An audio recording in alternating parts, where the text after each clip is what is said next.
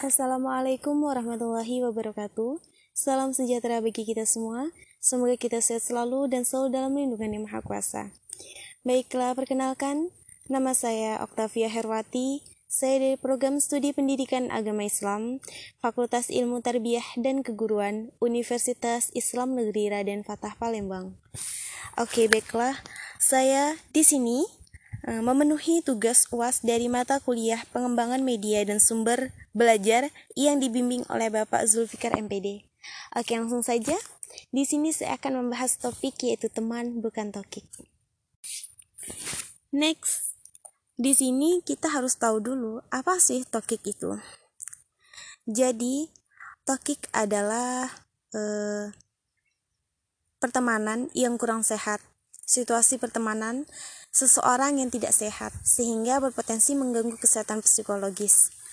Nah, tokik ini atau teman atau racun yang kurang baik ini mampu membuat seseorang merasa stres, sedih, cemas, meragukan diri sendiri, merasa disalahgunakan, merasa tidak menjadi diri sendiri, hilang kepercayaan hingga membuat individu selalu merasa e, dimanfaatkan karena terus melakukan giving. Nah, di sini e, pertemanan tokik itu banyak orang yang sering kali tidak mampu mengakhiri dan bahkan memilih bertahan dengan situasi tersebut. Apa sih alasannya sehingga mereka mampu bertahan dengan pertemanan tokik tersebut? Yang pertama yaitu karena pertemanan mereka sudah terjalin sejak mereka masih kecil. Sejarah pertemanan yang lama lah yang terkadang membuat seseorang tidak bisa atau sungkan untuk melepaskan diri dari lingkungan pertemanan tersebut. Padahal ya, dalam perjalanan hidup itu semua orang bisa berubah.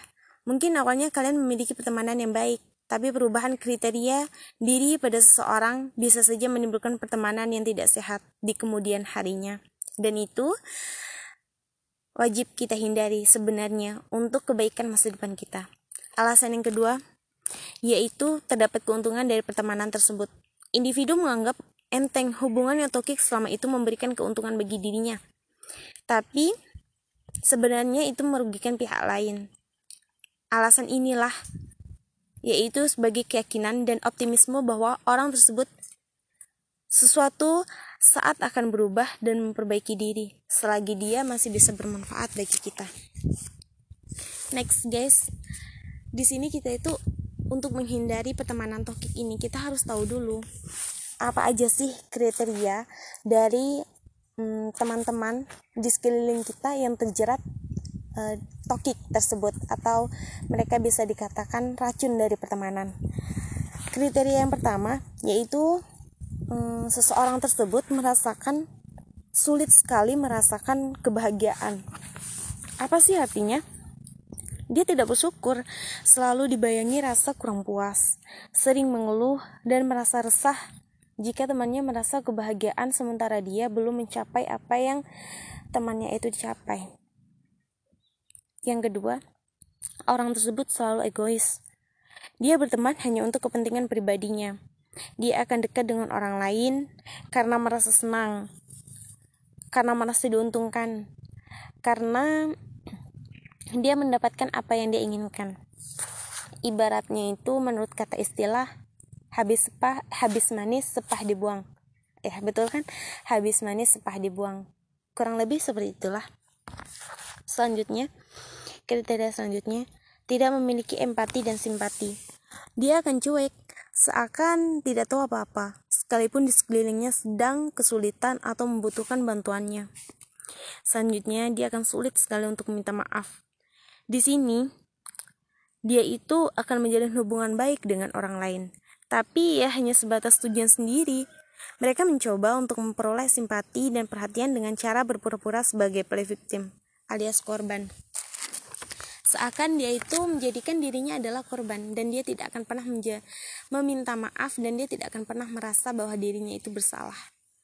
Itulah uh, sedikit beberapa kriteria dari um, pertemanan tokik yang sebenarnya di situ masih banyak lagi uh, kriteria-kriteria lain yang bisa di searching lewat Google dan sebagainya. Dan kita harus menghindari hal tersebut. Oke okay guys, jadi kita tuh harus menjauhi pertemanan tokik itu. Karena itu kurang baik untuk masa depan kita. Kita itu harus menjaga lingkungan kita. Karena lingkunganlah penentu hmm, ke mana kita harus ke mana kita akan berjalan.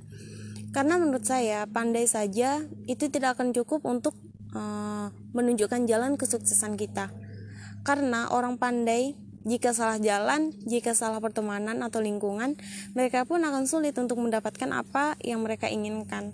Tetapi orang yang kurang pandai, yang cukup dan standar, jika mereka memiliki keinginan, jika mereka memiliki kemampuan, jika mereka memiliki niat dan tekad yang kuat, teman-teman yang baik yang mendorong untuk terus maju, maka dia pun akan terus maju dan tidak akan mundur sekalipun.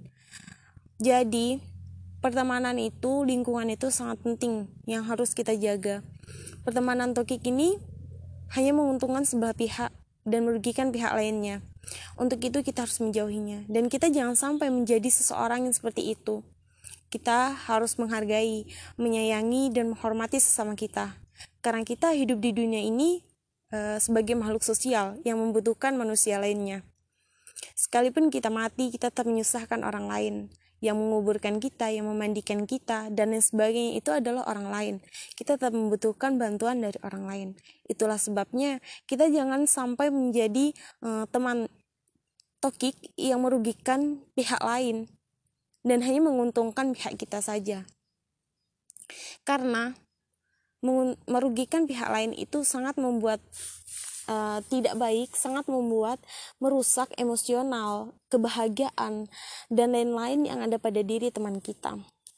Selain itu, kita akan sulit untuk bersyukur. Kenikmatan yang diberikan kepada kita pun juga akan dikurangi oleh Maha Kuasa, sebab kita sulit sekali untuk bersyukur. Kita sulit menerima apa yang seharusnya kita terima. Semoga dari beberapa kriteria ini, teman-teman uh, tidak menjadi salah satunya dan saya juga kalian bisa menjauhi hal tersebut dan semoga dengan kita menjaga lingkungan kita, dengan kita menjaga pertemanan kita, kita berteman dengan orang-orang yang baik, lingkungan kita kita jaga dengan yang baik, maka kita akan mendapatkan apa yang seharusnya kita dapatkan itu.